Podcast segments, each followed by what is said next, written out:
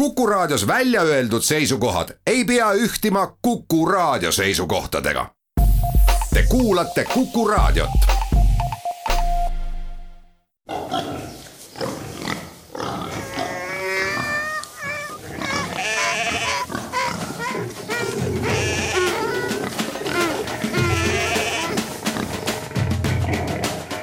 loomult loom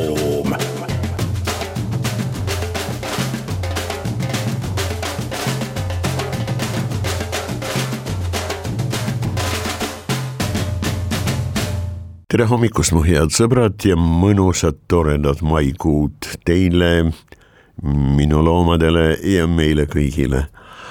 vaadake, see aprillikuu, mis nüüd äsja lõppes, no on äärmiselt tähtis nii-öelda fenoloogiliselt kõikide taimsete koosluste jaoks loomulikult sellega ja mitte ainult sellega, loom või loomade koosluste jaoks ja loomulikult muidugi põllumajandusele.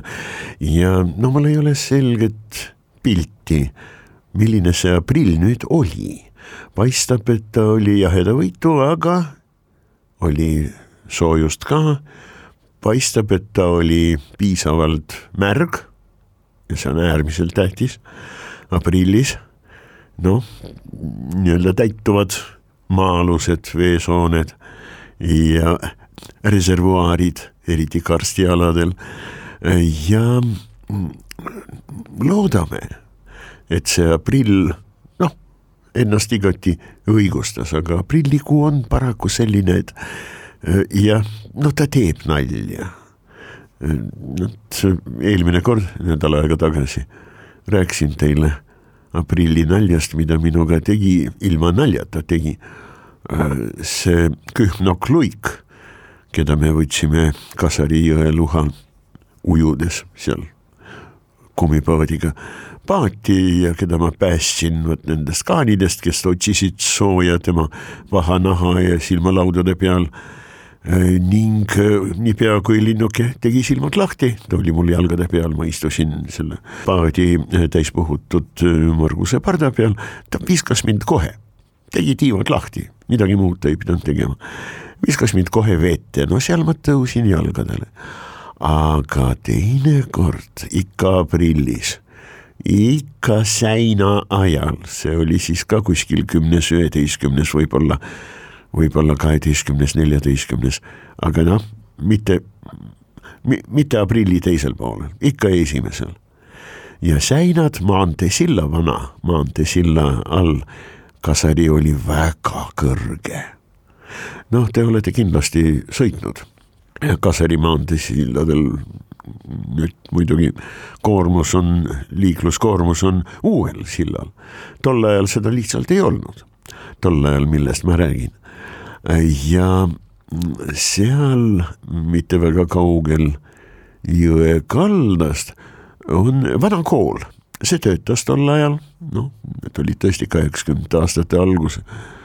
Ajad ja lapsi koolis ei olnud, selle kooli ja Kasari kalda vahel kaldaäärsed paiud, mitte väga kõrged, aga puud, mitte põõsad. Ja vot need pajud olid vee all. vesi oli väga kõrge ja vool sellega üsna tugev. ja meie siis olime noh, kolm suurt ja vägevat ihtioloogi ja mina, mis ma olen meeter kuuskümmend kaheksa koma viis, selline väike aga, aga ma loodan, et asjalik parasitoloog. kõik me olime paadis ja loomulikult meie suurepärane püügispetsialist oli siis selle püügiagregaadiga ja vastava kahvaga, oli siis paadi ninas ikkagi, jaa, ja olime päris silla lähedal, silla all muidugi. ja sõudsime kõigest jõust, no nii palju, kui meid oli sõudjaid, seal oli siis Rein oli agregaadiga, me siis kolmekesi sõid, sõudsime vägevasti ja enam-vähem hoidsime paati koha peal. kõigest vähest, kui sa sõuad vastu voolu kevadisel Kaseri jõel, siis võib-olla sa enam-vähem oled ühe koha peal.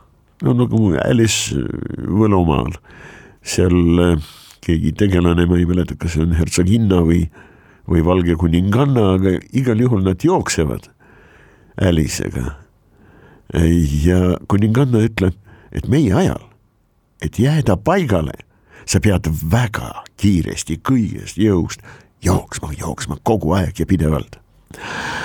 no vot sedasi me olime seal ja siis Rein, meie tõesti suurepärane püügispetsialist, pistis selle elektrianduritega kahva otsa vette ja pinnale tulid no, kõik elusad, see vool ei tapa suuri ega no, väiksi kalu igal juhul mitte. kalale voolu impulss mõjub nii-öelda tema külje peale. no kui see on lest, eks ole, siis ikka külje peale. lesta selg on ju väga õhuke ja kõht samuti. See suur tume lesta osa, millega ta on ülespoole ja mille peal on mõlemad tema silmad. see on tema kas parem või vasak külg.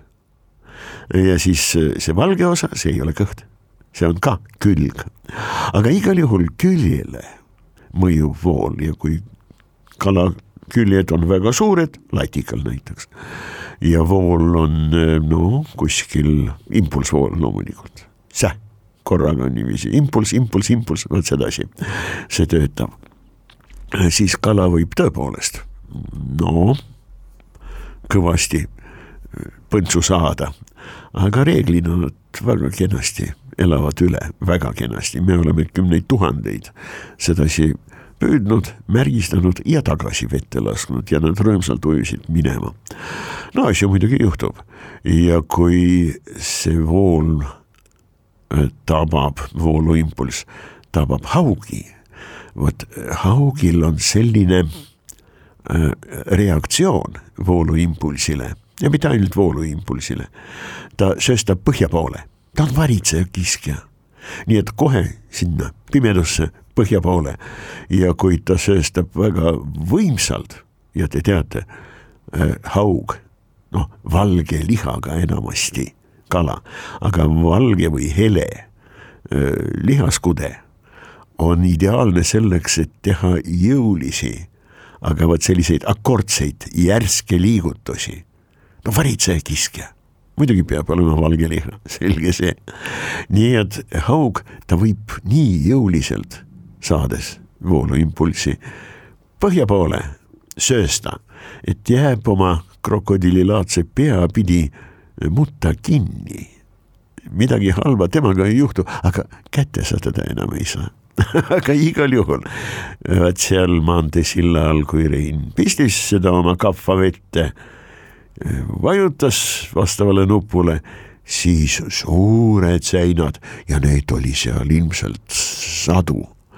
kõik tulid korraks pinnale ja keegi karjus ankur vette ja see mees, kes meil ahtris oli, viskas noh, õhinal vette mitte tormi ankrut, mis on lihtsalt suur kivi köi otsas, mis noh, pidurdab laevakese või paadikese liikumist, eks ole, vaid ta viskas päris ankrut käpadega ja see võttis kohe põhjast kinni.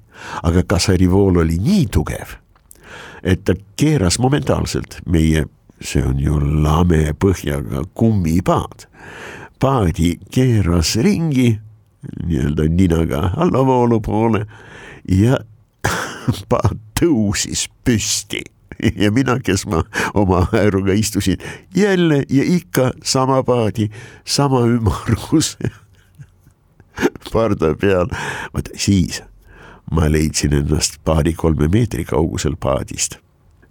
ja ega see ankur kuigivõrd kaua ei pidanud, paat juba kenasti noh, triivis nii-öelda allavoolu ja mul sõuda paadi juurde, aga loomulikult sügavus oli seal väga tõsine.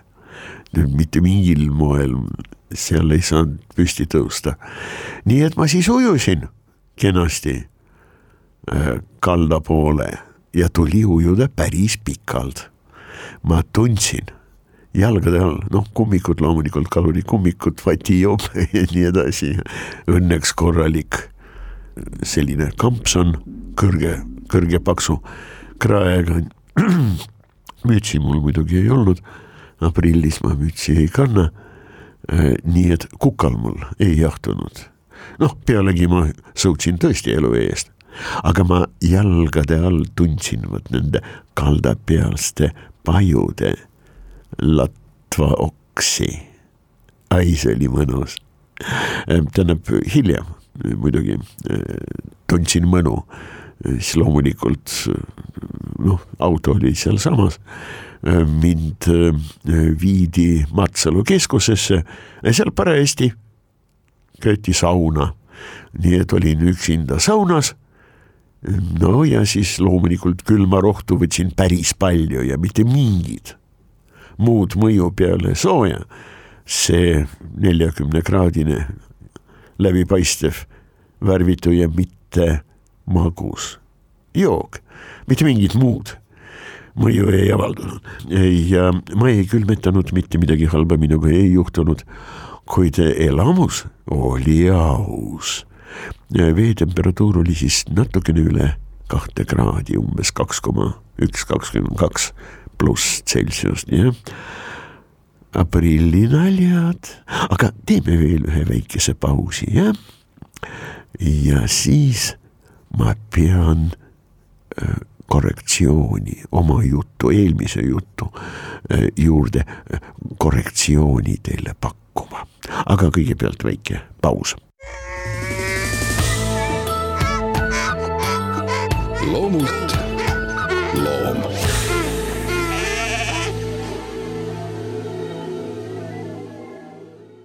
Vaadake, ma mainisin äh, eelmises saates ainupõlvseid imiusse, noh, Gyrodactylus salaris, Rootsi satikad meie kalade seljas ja nagu ütles Majandi peremees kunagi. Ja siis ma loomulikult kaldusin natukene vot nende ainupõlvsete loomade äh, Ähm, nii-öelda äh, eluolude suunas kaldusin oma põhijutust kõrvale, sest nad on väga huvitavad loomad.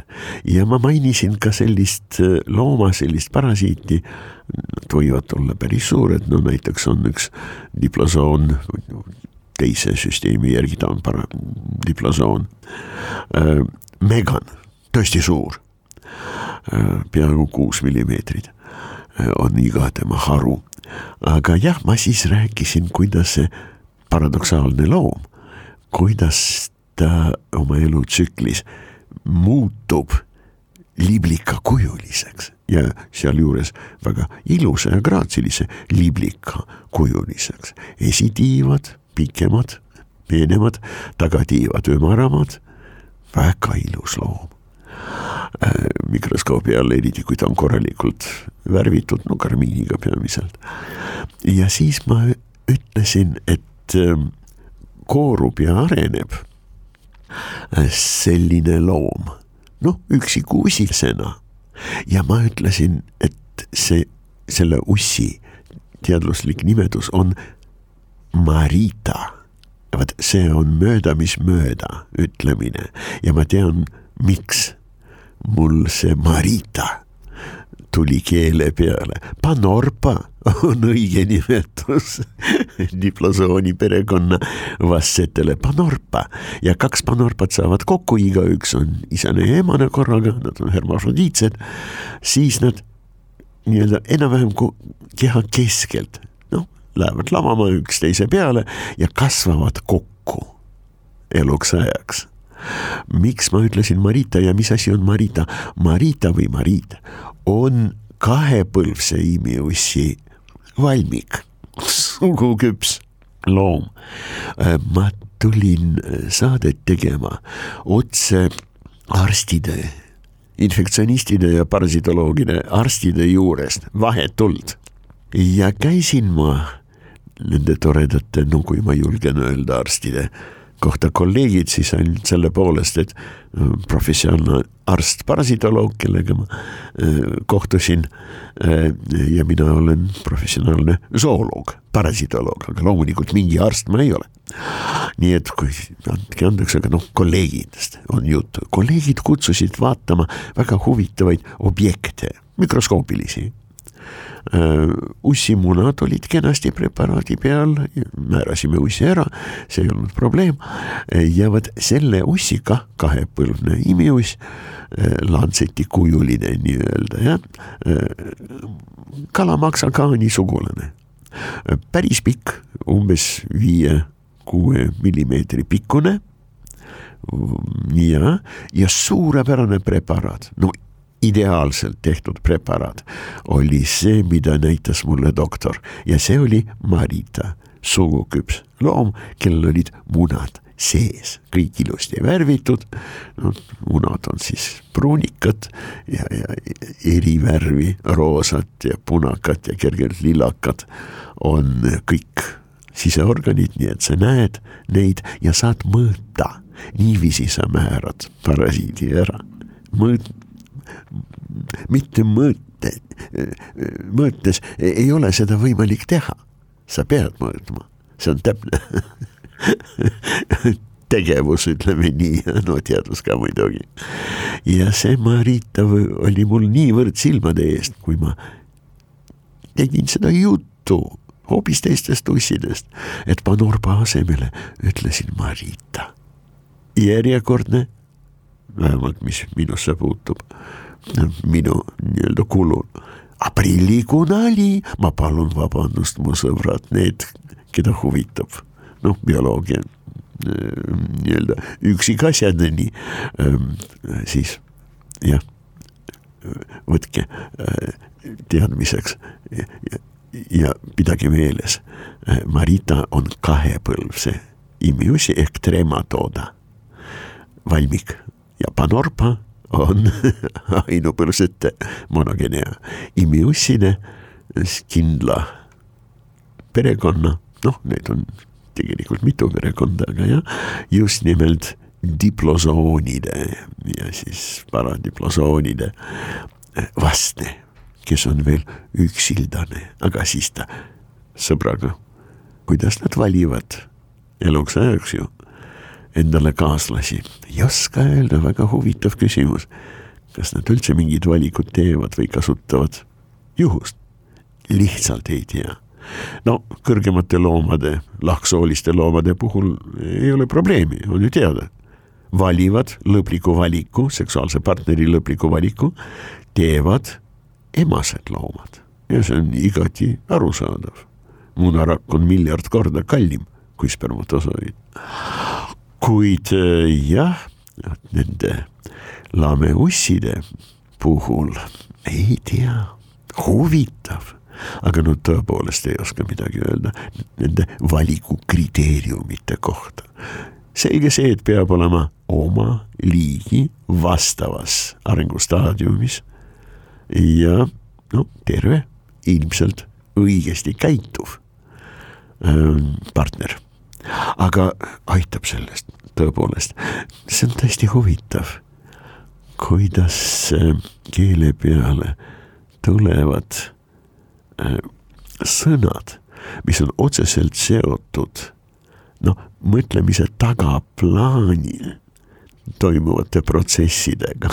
Ja Sigmund Freud äh, palju rohkem kui Adler muidugi jah, aga jah, Freud ju hindas väga kui uurimismaterjali, vaat neid väärütlemisi, mis inimestele ette tulevad, no minu puhul kõik on väga selge endalgi.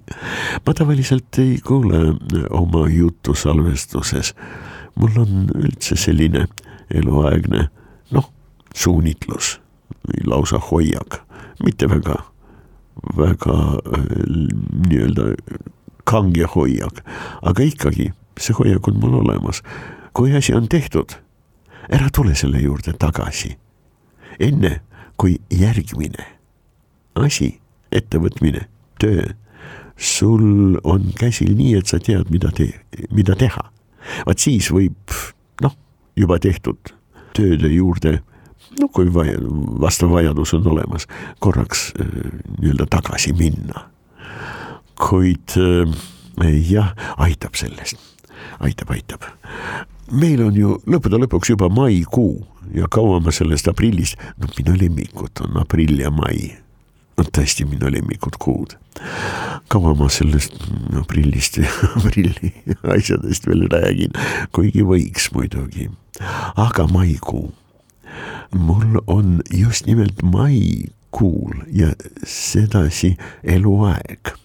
Äh, maikuu eriti esimesel poolel, kui see hakkab lõpupoole veerema, siis äh, päris suvi, juuni on juba ees ja vot see niisugune rahutuse tunne, mis mul on mai päris alguses ja noh, poole maini, keskpaigani kaasa arvatud, praktiliselt kogu aeg olemas.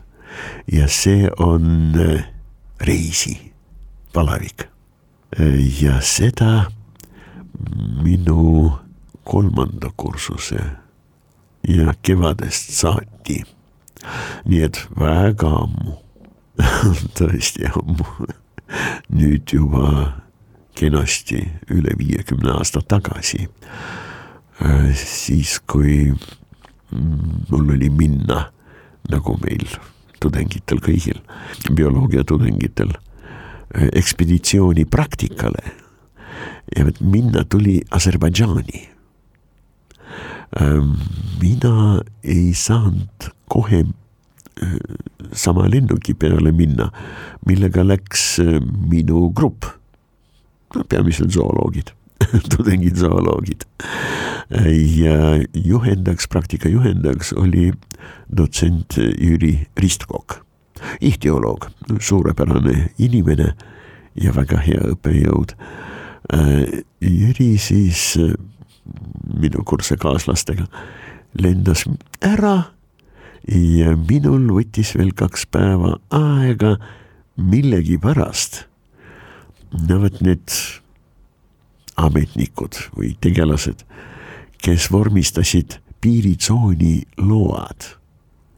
millegipärast nad pidasid mind kahtlaseks tüübiks. ja me pidime kõigepealt minema just nimelt Nõukogude Liidu ja Iraani vahelisse piiritsooni Lemkorani kaitsealale. ja Lemkoran oli no nii nagu Saaremaa, nagu kõik meie saared oli piiritsoon. no ähm, minu ealised, ähm, ja võib-olla isegi mõned nooremad kuulajad teie seas, mu head sõbrad, mäletavad piiri lubade taotlemis, seda nuhtlust. meil äh, Eesti piires olid äh, load äh, no enam-vähem pooleks aastaks jah, väljastatud. ma mõtlen just nimelt tudengitele, kes noh, pidid minema, no näiteks saartele, eks ole, ekspeditsioonipraktikale või menetluspraktikale, selge see. kuid aastased load ma hakkasin saama alles siis, kui olin Mereinstituudi teaduriks saanud. nüüd sinna Lenkorani ma piiriluba ei saanudki. aga mul kästi kaks päeva oodata ja siis tulla ja, ja, ja siis kuulata otsus. kuulasin otsuse ära ja lendasin Bakõi, see on siis Aserbaidžaani pealinn, eks ole Äh, lennuväljale. ja vot kogu see ärevus ja läksin üksinda, mitte suure kambaga. Ja nii pikki lende varem mul pole kunagi olnud, see oli minu esimene, no tõesti tuhandete kilomeetrite kaugusele lend. maandusime me seal öösel kella ühe paiku. Ja äh, lennuväli oli üüratult suur mulle jäi silma kohe ja jäi eluks ajaks meelde see, mis toimus õhus, vot nende ülivõimsate tohutult tugevate laternate, selliste Jupiteride klastrite kõrgete postide otsas ümber.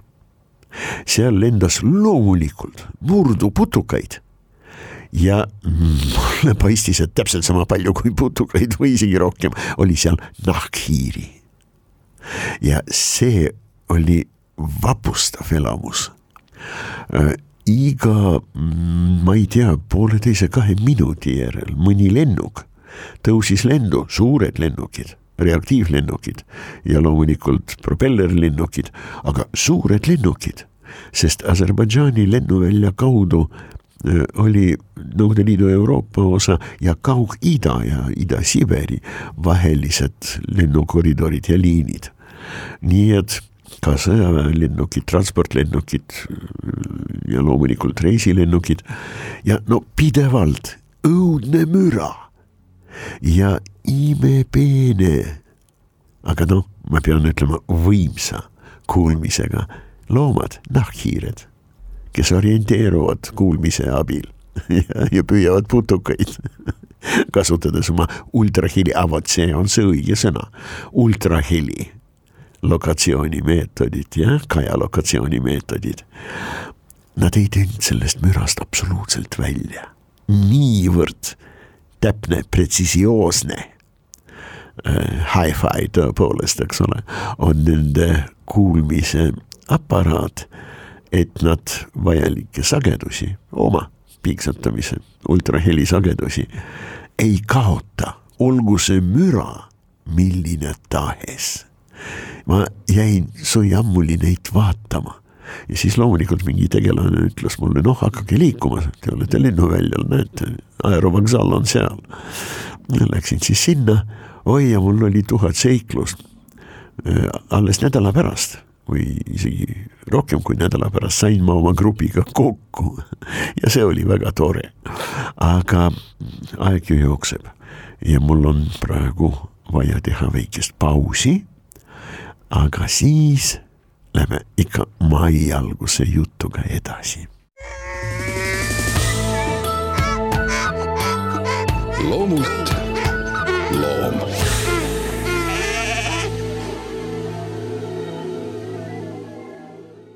teine mai.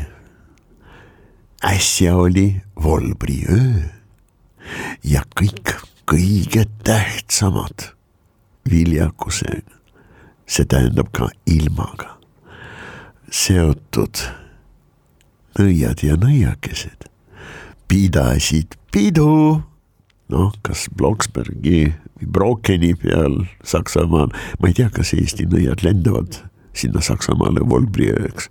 ei, ma usun, et meie nõiad on patrioodid ja peavad oma noh, rõõmsameelse ja püha koosoleku lustliku piduliku koosoleku, ikka kuskil Eestis, eks ole. Jaanipäeva, jaaniöö pidustusi mul on olnud elus nii palju. Ja rõhuv enamus nendest olid nii mõnusad, et eh, mul ei ole mingit kahtlust.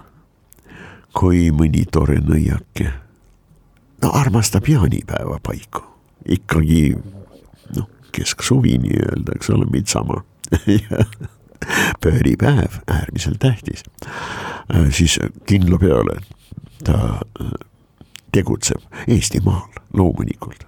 kuid Volbriöö, jah, see tava on Euroopas ülilevinud ja üliürgne no Euroopas, Lääne-Euroopas, ka Inglismaal ja mitte ainult, ka Ida-Euroopas, Kesk-Euroopas äh, valiti ju mai just nimelt esimesel mail, äh, mai krahvi või lausa mai printsi või kuninga või vürsti. Ja siis grafinnad ka ja oi, kõik need toredad lood äh, on vaat vahetult seotud sellega, et lõpeb. Aprill, algab maikuu, jah, väga märgiline aeg, kuid jah, isiklikke kogemusi, no ma mõtlen kohtumisi, kohtumised nõidadega, eks ole, nõiakestega, palun vabandust. mul minu elus leidsid aset ikkagi rohkem nagu jaaniööl. aga sinna on aega, vaata et kaks kuud peaaegu. Jah, nii et maikuu, mul on rahutus. Terves kehas igal aastal. Ja maikuus, aga tublisti hiljem loomulikult, siis kui ma olin juba äh, noh, Meriinstituuti mitte enam, isegi mitte enam noor, noorem, olin siis korraks vanem teadur vist või lihtsalt teadur, aga igal juhul mitte enam, ammu enam mitte noorem teadur.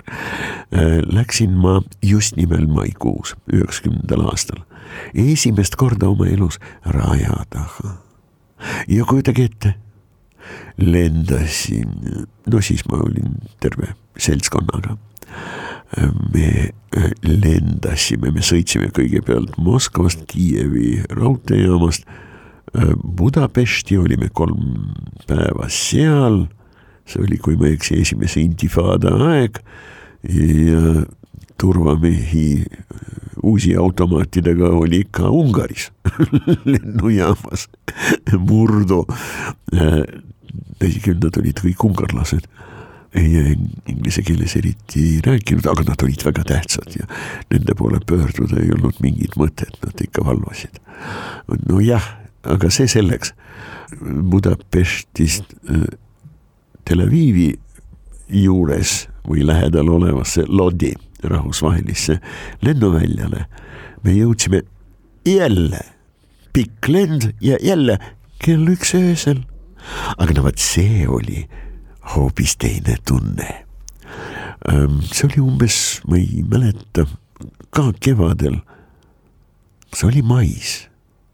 Ma ei ole isegi selles praegu kindel, ma räägin ju teile puhtalt mälust võttes materjali. aga igal juhul Budapestis oli päris jahe, no kuskil neli-viis-kuus kraadi, seda ma mäletan küll. naljalt äh, välisooloog ilma naljalt ei unusta aga see selleks, igal juhul me astusime sellest mõnusast, aga noh, mitte palavast atmosfäärist, mis oli selle suure no tšarterlend oli loomulikult suure-suure lennuki salongis. me astusime välja ja tunne oli nagu ülivõimsalt, peamiselt magusate parfüümidega lõhnastatud imepehmesse vatitekki näoga astud niivõrd seal oli kuskil kakskümmend seitse, kakskümmend kaheksa kraadi vähemalt arvatavasti ikka üle kolmekümne ja, ja need lõhnad, absoluutselt vapustav elamus.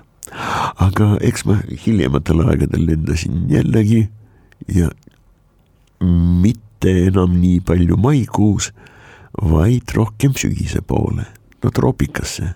sa lähed ikka sügise poole või varakevadel, no ütleme märtsis veebruaris-märtsis on mõtet minna, no näiteks no kasvõi Jordaaniasse, Iisraeli, Egiptusesse. veebruari lõpp, märtsi algus, parem isegi veebruari lõpp.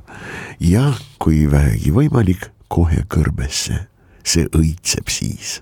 ai, kuidas kõrb õitseb märtsis-aprillis. Äh, noh, kasvõi see kivikõrb mis on Siinai poolsaar, eks ole, ja lähedal olevad kõrbealad, osad, no Negev näiteks, eks ole. ja neid kõrbesid on ju seal päris palju üksteise küljes kinni. see on ju Siinai ala, üürotu ala. see on ju antiikaja kreeklastel olnud kivine Araabia oli õnnelik Araabia, emiraadid siiamaani on suhteliselt õnnelik, no kui Jeemenit jah, jah, mitte mainida, aga jah äh,, siis on olemas liivane või liiva Araabia, see on Saudi ala. ja kivi või kivine Araabia, vot see on Siinai. ai, kuidas see õitseb, absoluutselt unustamatu, lausa uskumatu elamus ähm,. olin peduiinidega natukene rändamas õhtul tulin telgist välja, noh, valgust oli veel. teate, kuidas seal soojadel maadel toimub päikseloojang? ups, lülitati välja, eks ole aga jah, natukest aega, üks pool tundi sul on aega nautida seda, seda videviku aega, jah. Loomulikult absoluutselt selge taevas, kiiresti kahaneb valgustus ja telgi juures kivid. no see ei olnud kaugel Arodi linnast, aga jah, Negevi kõrb see ikkagi oli ja kivid kiilakate peadega, aga lillepärjad ümberringi. madalad, väikesed, aga imekaunid kõrbelilled, hästi palju kannikeste sugulasi, aga loomulikult ka igasuguseid teisi. ma loomulikult ei ole üldse pädev kõiki neid mälu järgi igal juhul mitte ära määrama, kannikesi loomulikult tunned kohe ära ja nende lähisugulasi. ja nüüd kujutage ette, lilledest, õi-, elusatest, õitsvatest lilledest pärg, selle enam-vähem ümariku kivi ümber ja kivi nii-öelda lagib ja on paljas, paljas kivi. noh, mõnuled seal jood oma kohvi. beduiinid ei pane suhkurkohvi sisse Äh, vaid panevad väga palju suhkurt reeglina tee sisse. ja kui ma küsisin, miks nad sedasi teevad, nad väga tähtsal moel mulle seletasid. Kohvi sisse sa ei pane midagi, sest see on kohvi. püha jook eriline jook, no Etioopia päritoluga on ju vähemalt meie kohvid kohvi perekonnas on hästi palju liike, sadakond vähemalt. aga jah, see on Etioopia päritoluga. jah, araabika kõik on õige. nii et kohvi sisse sa ei pane mitte midagi, sest see on kohvi. aga tee sisse sa paned palju suhkurt, sest see on hea magus. mitte midagi ei ole vastu vaielda olen täiesti nõus sellise suhtumisega asjasse jah, aga igal juhul joon oma viimase kohvi. noh, andke andeks, ma olin suitsetaja, kui tõtt-öelda olen ka praegu. aga jah, teed oma viimase suitsu ja lähed magama hommikul, tuled välja samast telgist, sama kivi juurde aga juba hommikuse kohviga ja loomulikult hommikuse suitsuga. vaatad seda kivi ja see ei ole enam kiilas, ta on üleni kaetud õitsvate, madalate, väikeste, aga no, no hiilgavalt, ma ütleksin triumfaalselt õitsvate lilledega. oh jaa, maikuu, kena, kena kuu, loomulikult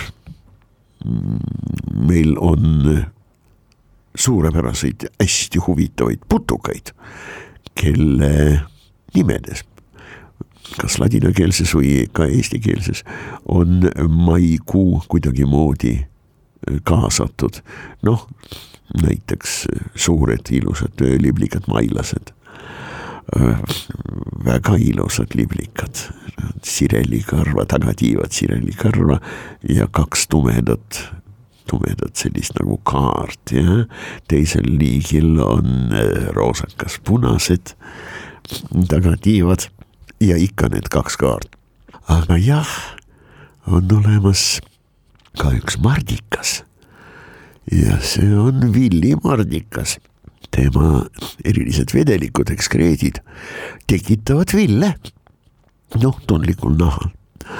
Äh, jah, tema nimi on küll Melo Proskarabeos, aga õige mitmes keeles, ka vene keeles, ta on jah, maiga seotud, aga loomulikult on olemas üks põrnikas kes on lihtsalt maipõrnikas, kuid minu aeg on tänaseks läbi ja nendest loomadest praegu rääkida ma ei jõua.